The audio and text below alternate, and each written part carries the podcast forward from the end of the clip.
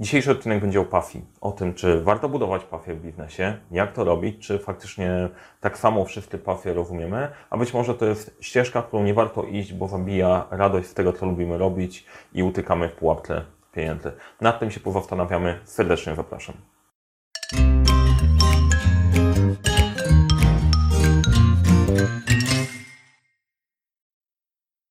Cześć, nazywam się Mariusz Kapusta. Uczę, jak rozpoczynać i kończyć twórcem projekty w świecie, w którym brakuje czasu, brakuje zasobów, za to nigdy nie brakuje problemów. Dzisiaj witam Cię w kolejnym odcinku serii Lider na starcie. To jest taka seria dla osób, które zaczynają swoją drogę, chcą popracować nad osiąganiem sukcesów, celów i czasem w tej drodze napotyka się na trudności i problemy, trudno to ogarnąć. Więc jeżeli to jest temat dla Ciebie, to zasubskrybuj ten kanał, kliknij dzwoneczek, bo jest więcej tego typu materiałów, a dzisiaj popatrzmy sobie na pasję. Nie? O co chodzi z tą pasją, o pasją w biznesie, czy to w ogóle da się połączyć.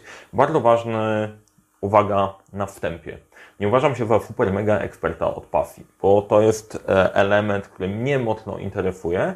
E, mam swoje doświadczenia życiowe i tym się z Wami będę dzielił w oparciu na, modeli, na modelach i sposobach, które według mnie się sprawdziły. Bardzo chętnie z Wami podyskutuję na temat tego, co myślicie o pasji, jak to jest u Was, czy Wy idziecie z pasją i uważacie, że to jest główny temat, a może macie taki pielęgnowany obszar, że to jest moja pasja, ale stawiam jasną granicę pomiędzy tym, co mnie totalnie kręci, a tym, jak zarabiam pieniądze biznesem. Jestem bardzo ciekaw, jak Wy do tego podchodzicie, jak sobie to rozwiązujecie. Ja pokażę Wam kilka ciekawych modeli e, i sposobów myślenia o tym. Może, na, może Was zainspiruje. Ok, zaczniemy o trochę od różnych cytatów. Jeden, który znalazłem, przygotowując się do tego odcinka, bo zrobiłem sobie mały research. E, odnośnie pasji, to jest właśnie Bon Jovi. Nikt nie jest tak ważny jak pasja. Nieważne, co chcesz robić ze swoim życiem, zawsze podążaj za pasją. Super.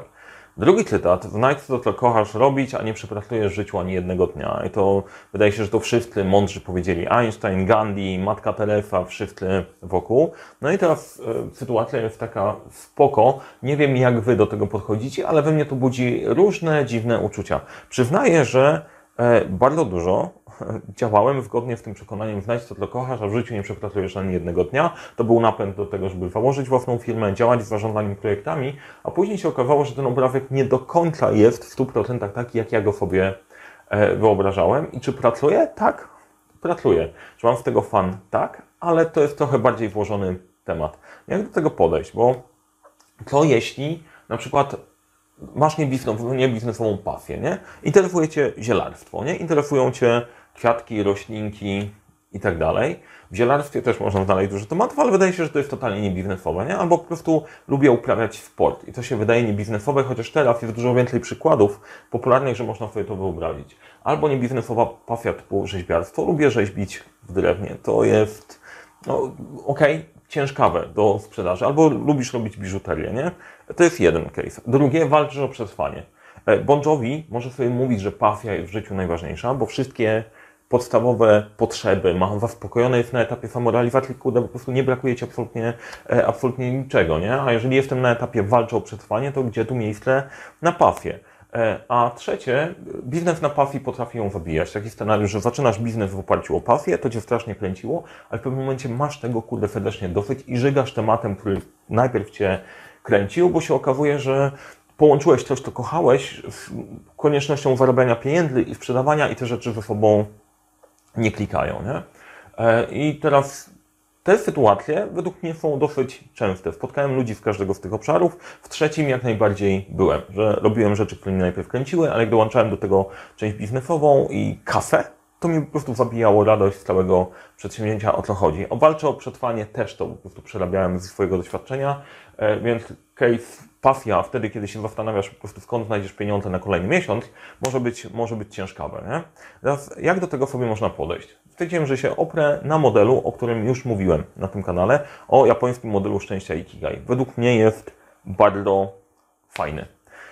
Co zakłada taki model, że nad czym warto popracować w życiu? Po pierwsze, Jeden element to jest to, co kochasz. W tym się nam kojarzy właśnie pasja. O kurde, są rzeczy, które po prostu kocham, uwielbiam je robić. To jest właśnie pasja. Poczekajcie, bo to nie do końca tego. Drugie, to to, w czym jesteś dobry. Nie wystarczy czegoś lubić. E, trzeba jeszcze w tym czymś być dobrym. E, no, jeżeli chcesz dojść do, do tego modelu, o którym, o którym mówimy. Są rzeczy, które po prostu lubisz. 36 milionów Polaków po prostu zna się na piłkę nożnej, nie? To, że kochasz może nie 36 milionów, ale nie wszyscy, którzy kochają piłkę nożną, potrafią w nią grać. Trzecie to jest to, czego potrzebuje świat, nie? Kochasz coś, jesteś w tym dobry, świat tego potrzebuje. I czwarte, uwaga, co może być czwarte? Ludzie są gotowi za to płacić. No kurde, ale jak to? Ale gdzie tu szczęście, pasja i tak dalej? No i właśnie to jest e, jedna z pułapek myślenia o pasji, jeżeli oprzesz to o cytatach, które wrzuciłem zaraz na początku, nie? One zakładają, dobra, robię to, pieniądze nie są ważne. Nie tak. Ikigai mówi, że każdy z tych elementów jest ważny. I sztuka polega na tym, żeby je połączyć. I teraz tak, na połączeniu tych czterech elementów, na tych wtykach takich bardziej ciemniejszych, nie? zacieniowanych powiedzmy, są pewne rzeczy, o których mówimy. To, co kochasz i to, czego potrzebuje świat, to jest misja. Ok, chcesz coś zmienić w świecie, ludzie tego potrzebują, kochasz to, to jest element misji. To, w czym jesteś dobry i to, za co ludzie chcą płacić, to jest Twoja profesja, to jest Twój zawód, ok? Dobra, wykonuję moją robotę. To, za co ludzie chcą płacić i do czego potrzebuje świat, to jest powołanie, ok? Tam masz iść, bo tam będziesz po prostu przydatny, generujesz wartość. A pasja to połączenie tego, w czym jesteś dobry i to, co, tego, co kochasz to daje trochę szerszą perspektywę. Aha, okej, okay, dobra. Cokolwiek robisz, robisz z pasją, to jest na zasadzie, jeżeli przegniesz tylko w jedną stronę, będziesz robił rzeczy z pasją, ale olejesz kafę, nie skończy się to dobrze, też będziesz miał po prostu poczucie, że coś jest nie tak. I model Ikigai jest taki, żeby połączyć te wszystkie rzeczy razem. Nie wiem teraz, do czego mniej więcej zmierzamy i tak jak ja sobie to układam i tak jak myślę, że to jest dosyć sensowne, to jest ok, nastawienie tylko na pasję, sprawia, że możesz część, zapomnieć o części bardzo ważnych rzeczy.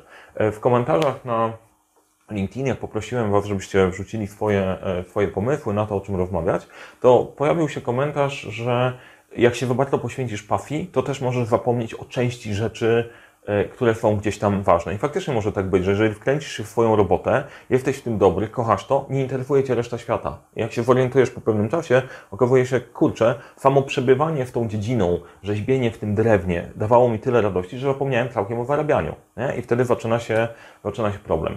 Clue to balansowanie. Nie idealny balans, tylko balansowanie, żeby to miało ręce i nogi.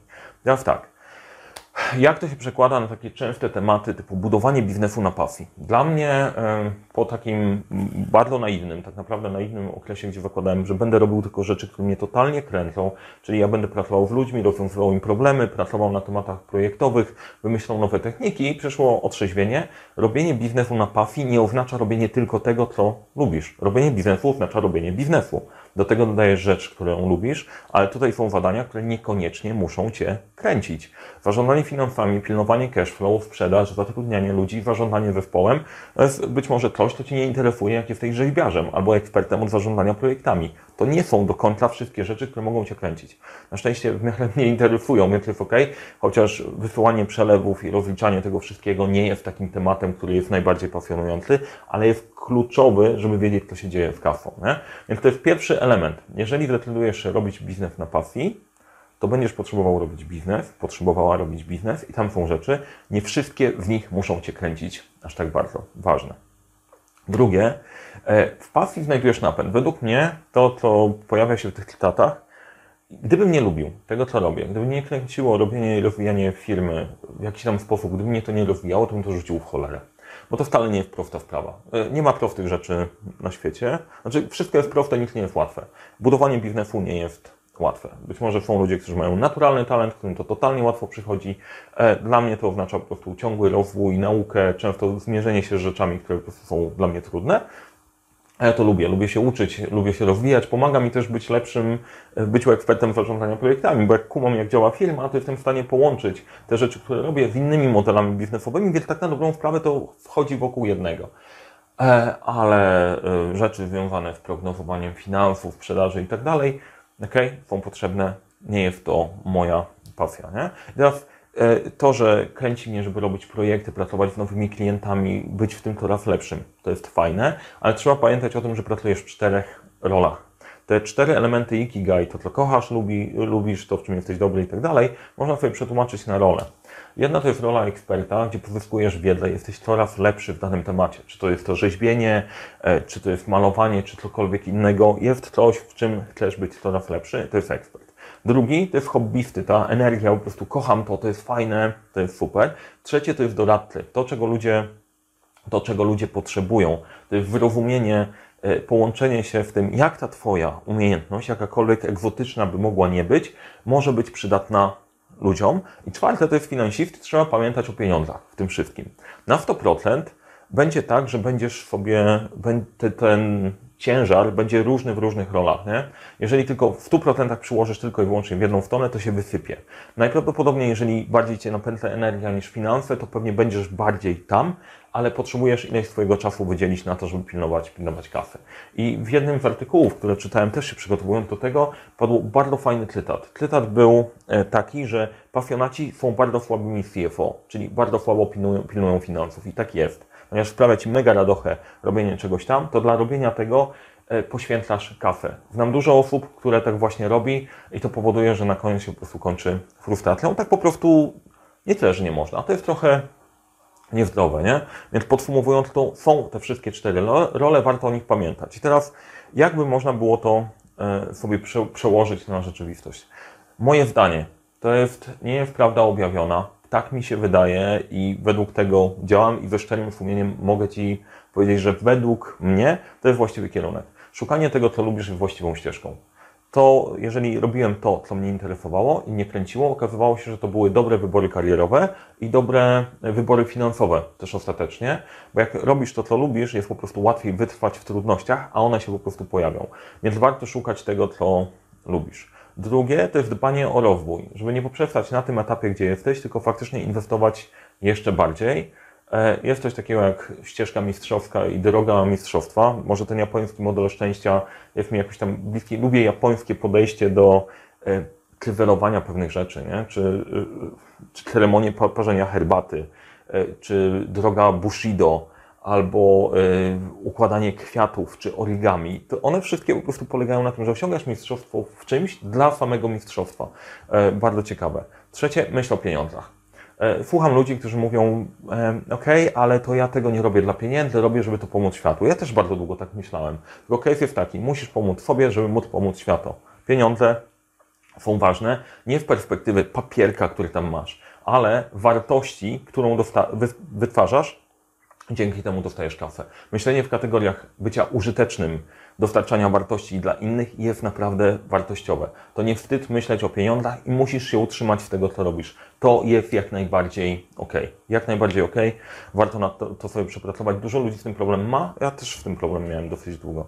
E, myślenie o ludziach. Myśl o ludziach. Twoja wartość pojawia się, jeżeli ta Twoja umiejętność zaczyna być użyteczna dla innych ludzi. I ona może przynosić im mega różną wartość. Są ludzie, którzy po prostu na obrazach są w stanie zrobić bardzo duże pieniądze, bo tworzą coś, co u ludziach, którzy mają pieniądze, są gotowi za to zapłacić, pobudza jakieś emocje, albo daje im możliwość kolekcjonowania jakiegoś e, e, powiedzmy dzieł sztuki, albo coś innego po prostu da się znaleźć sposób na to, że teoretycznie niemarketowalna rzecz e, się sprzedała. I ważne, żeby stawiać granice pomiędzy hobbym, biznesem, e, działalnością społeczną i pracą. Jeżeli przegniesz w którąś stronę, na pewno to będzie słabe. I trochę odnośnie niemarketowalnych umiejętności, e, tak na koniec. No jeżeli pasja Ci napędza, niech rozsądek trzyma lejtle.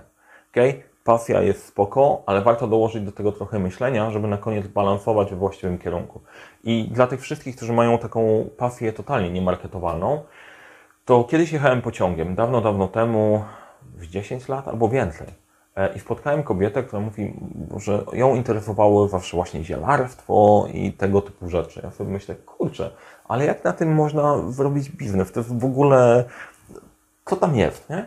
I co się okazuje? Ona ma biznes, który polega na tym, że dostarcza profesjonalne przyprawy do kuchni, do restauracji, które nie są po prostu takie masowe, tylko kwiaty jadalne, przyprawy, ma swoich klientów, dostarcza, dostarcza to e, w różne ciekawe miejsca, na przyjęcia, ambasady i tak dalej. Pomyślałem, rany, jeżeli jesteś w stanie na czymś takim zrobić biznes, to jesteś w stanie na wszystkim. Znalazła po prostu e, swoją niszę, w której była ekspertem i znalazła potrzebę, której ktoś potrzebuje, jeszcze ktoś to za to płaci. Fascynujące, niesamowite. A inny przykład, kiedyś miałem epizod studiowania na FGGW studiowałem tam przez jakiś czas dosyć krótko, bo miałem taki pomysł, żeby wrócić uprawiać FAT, ale pamiętam wykład z dendrologii. To jest nauka o drzewach w ogóle, o roślinach. I był człowiek, do tej pory pamiętam jego wykład o ogławianiu wierzb. Przyszedł człowiek w bardzo dobrym garniturze, e, taki biznesowy look, nie kurczę, jakiś wykładowca opowiadający coś o drzewach. Facet opowiadał z taką pasją o tych wierzbach, że do tej pory to zapamiętałem. Czym się zajmował? Otóż on projektuje ogrody. Żeby zaprojektować ogród dla ludzi, którzy mają duży dom i tak dalej, i nie tylko, a mają kafę przy okazji, musisz wiedzieć, jak kolory się będą zmieniać tych wszystkich drzew w czasie pół roku, żeby to było sensowne. Do tego musisz mieć wiedzę o tych drzewkach, nie? Kurde, jak wiedzę o drzewach przełożyć na kafę? Proszę bardzo, jest odpowiedź. Nie? nie ma rzeczy, która by była nieprzydatna. Kwestia szukania tego połączenia może być trudna, ale te przykłady dają, e, dają nadzieję. Nie? Więc na koniec, jeżeli ta pasja Ci napędza, niech rozsądek trzyma, e, trzyma lejtle. To by była moja rada na koniec. No jeżeli jesteś na tym etapie, że szukasz po prostu swojej drogi, kombinujesz, zdarzasz się i tak dalej, to na kanale znajdziesz więcej filmów z tej serii Lidera na starcie, gdzie zakładam takie podsta podstawowe, fundamentalne rzeczy, na których według mnie warto pracować, sprawdziły się i funkcjonują, więc zapraszam Cię do obejrzenia pozostałych filmów. Jeżeli dowiedziałeś się czegoś ciekawego, podobał Ci się ten odcinek, daj lajka, no i do zobaczenia w kolejnych odcinkach. Powodzenia w szukaniu pasji i ikigai.